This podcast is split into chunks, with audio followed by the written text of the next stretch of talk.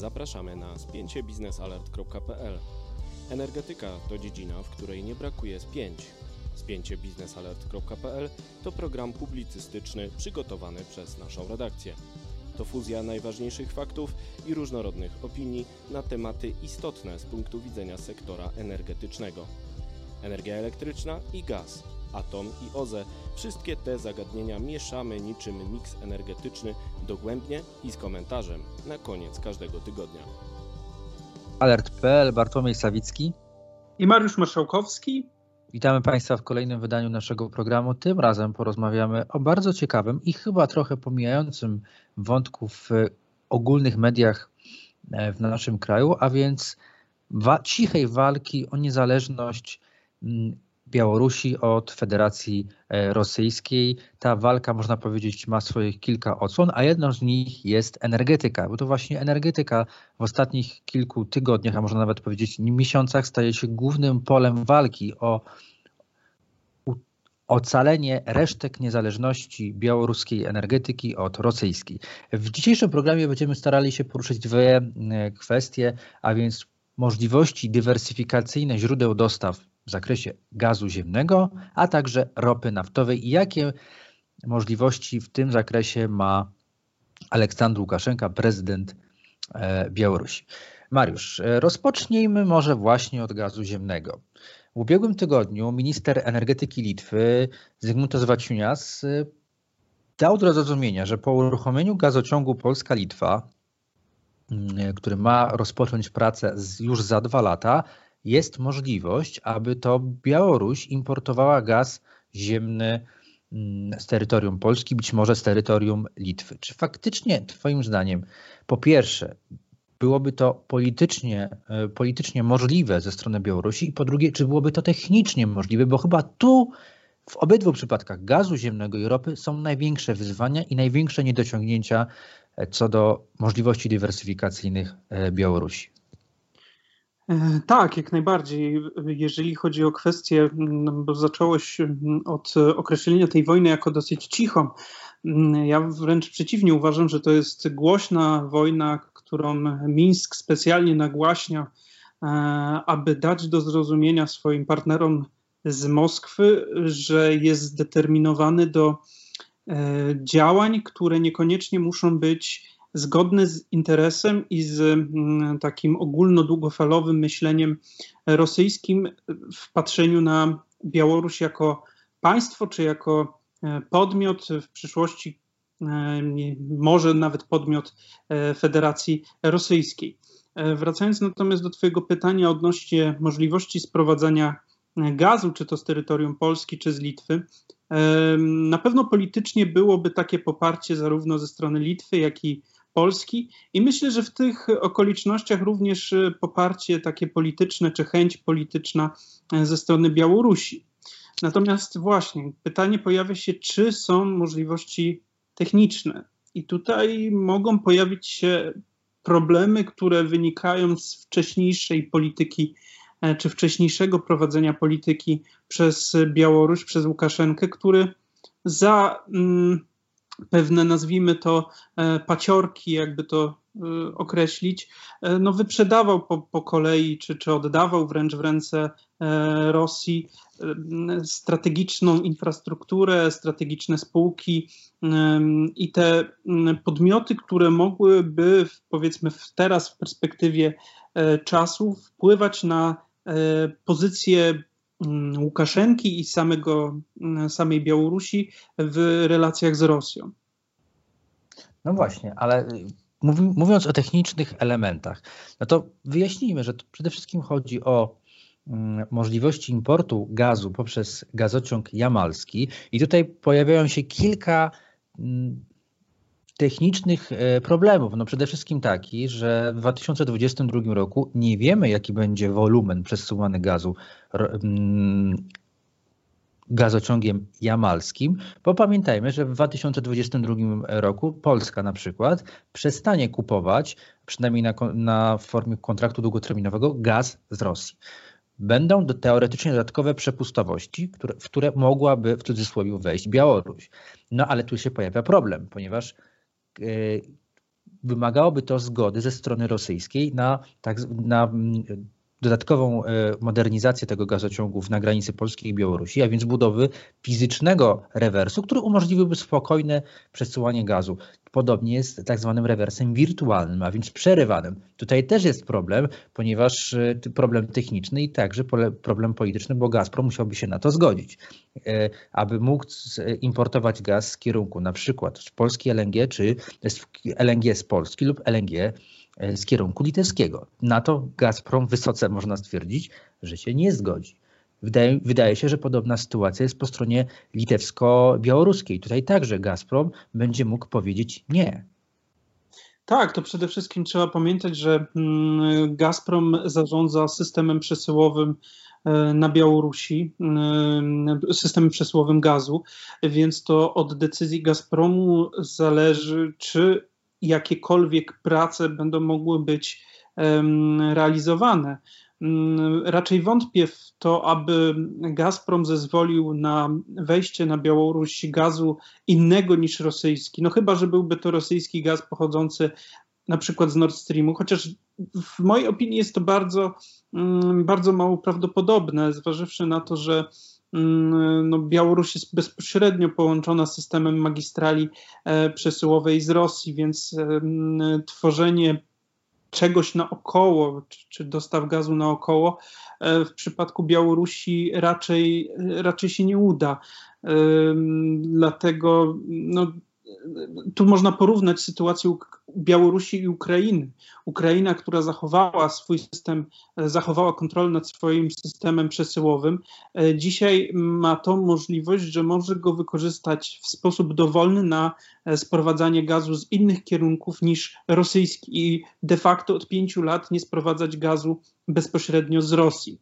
E, na Białorusi to jest temat raczej niewykonalny i dlatego no raczej o ile w przypadku dywersyfikacji dostaw ropy e, dosyć dużo się mówi, o ile ten kwestia gazu ziemnego jest nieco mm, w tyle i o tym tak głośno Mińsk nie sygnalizuje, mm, to też może być związane poniekąd z chęcią odchodzenia po, powolutku od e, tej takiej gospodarki opartej właśnie na gazie ziemnym na rzecz e, elektro, elekt, energii elektrycznej, którą będą niedługo w nadmiarze w związku z uruchomieniem elektrowni jądrowej w Ostrowcu, która w początkowym takim planie miała być elektrownią eksportową, czyli wysyłać ten prąd e, na Litwę, na Łotwę, do Polski. E, natomiast te państwa, przynajmniej Litwa i Polska, jasno zadeklarowały, że tego prądu nie chcą, więc Białorusini zostaną z tym prądem w zasadzie e, sami i no, muszą znaleźć jakieś rozwiązanie na to, aby ten prąd, tą energię elektryczną z tej elektrowni wykorzystać. Myślę, że zgodzimy się co do tezy, że w przypadku e, gazu ziemnego poszukiwanie niezależności ze strony Białorusi to jest na tym etapie jednak, mówiąc delikatnie, odległa, bardzo odległa melodia przyszłości, która ze względów techniczno-politycznych na obecnym etapie wydaje się niewykonalna. Ale, i tu przejdźmy teraz do ropy, do ropy naftowej, jeszcze kilka lat temu wydawało się, że podobnie jest, jeśli chodzi o ropę naftową. Tutaj też wydawało się, że nie ma mowy na niezależność y, Białorusi od importu y, ropy naftowej, ale pojawiły się techniczne możliwości i także tutaj jeśli chodzi o kwestie zarządcze, bo zarządcze mm, w przypadku e, ropociągu przyjaźń, tutaj są, jest, wydaje się w tym momencie większe pole manewru. Bo jeszcze w ubiegłym roku polski operator e, e, przyjaźń, PERN, informował, że co prawda próbował jeszcze w 2016 roku robić pewne przygotowania techniczne, analizę techniczną co do możliwości rewersowych dostaw ropy naftowej z Polski na Białoruś.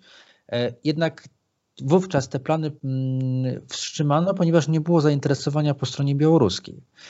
W momencie problemów i rozmów, o czym wspomnieliśmy na samym początku naszej rozmowy, o dostawy i cenę surowca z Rosji, wydaje się, że pojawił się w końcu możliwy klient po stronie białoruskiej. Jak się pojawił klient po stronie białoruskiej, PERN zaczął analizować możliwość budowy rewersowych budowy modernizacji połączenia tak, aby przesyłać poprzez rewers ropę z Polski na Białoruś.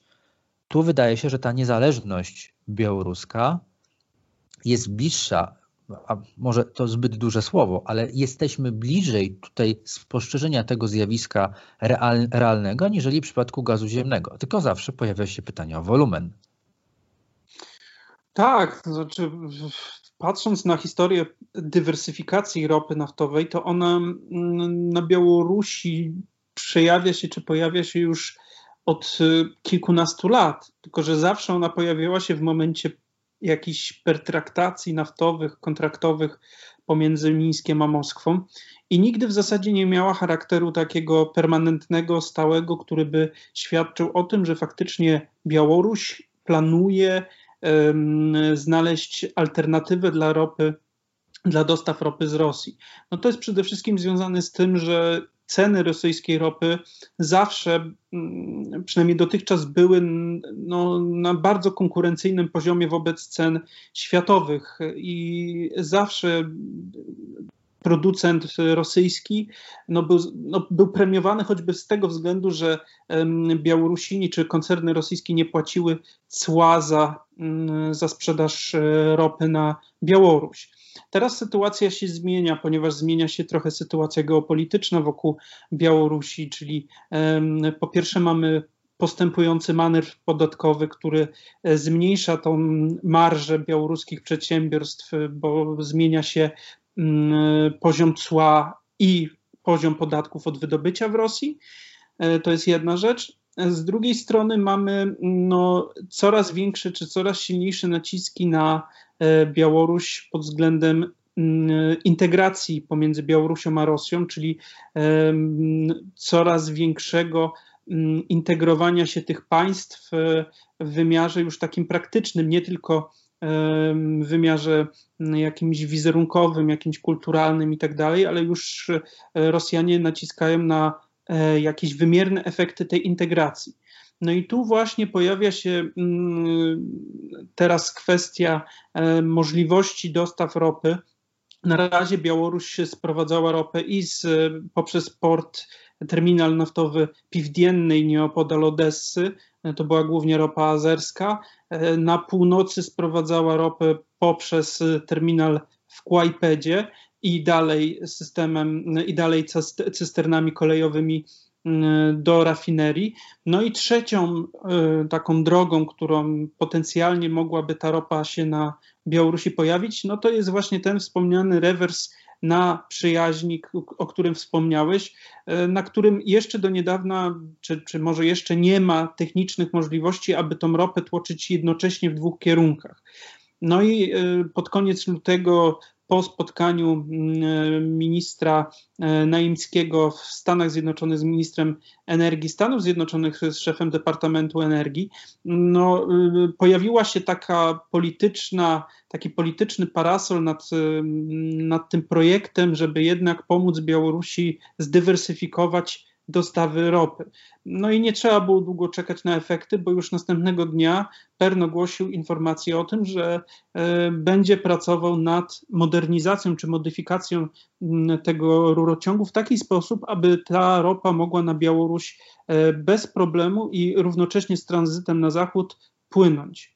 E, także no, tu widzimy już pewne, pewne działania praktyczne, także ze strony białoruskiej, bo trzeba pamiętać, że dwa tygodnie temu białoruski operator e, systemu ropociągowego Gomelt Transneft Drużba ogłosił e, stawki na przesył ropy naftowej w kierunku, w kierunku właśnie rafinerii e, w Mozyżu od granicy Adamowo, od stacji Adamowo-Zastawa. To jest coś, czego jeszcze nigdy nie było, to jest coś bez precedensu. Ustalone stawki to jest pierwszy taki regulacyjny element, który e, oznacza, że faktycznie w przyszłości, możliwe, że nawet niedalekiej, możemy, zauważyć, możemy być świadkami pierwszych dostaw ropy na Białoruś.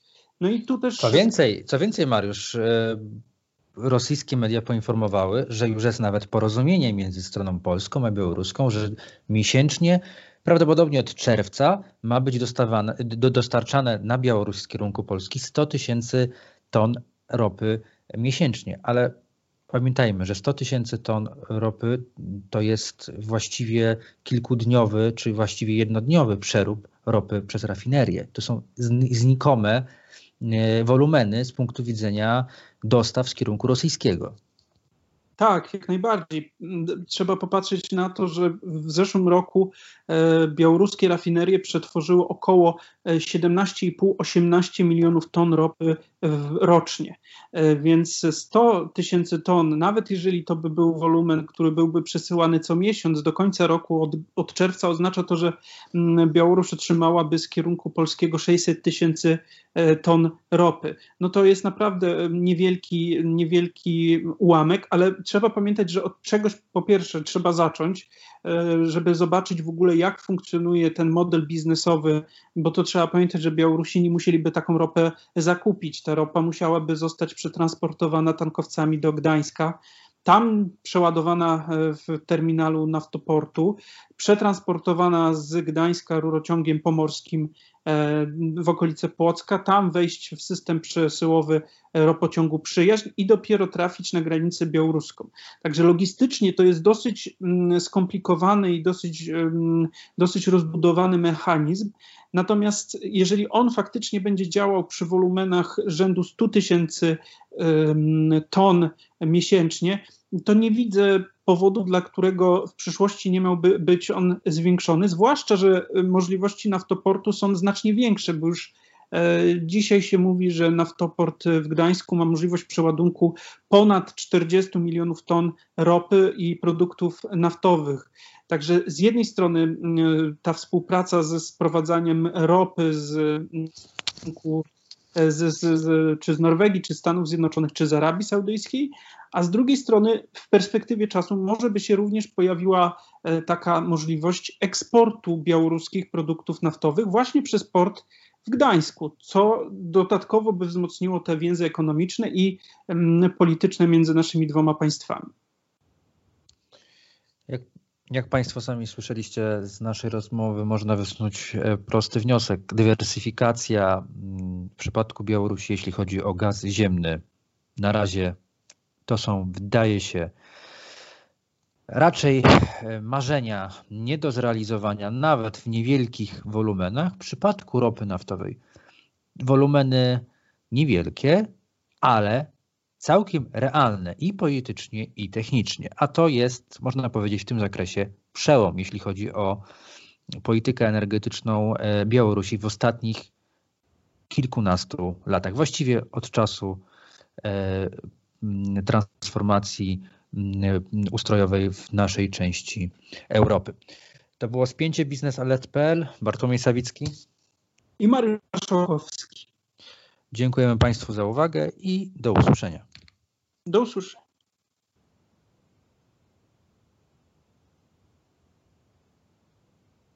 Okej, okay. masz Mariusz? Eee, zatrzymaj nagrywanie.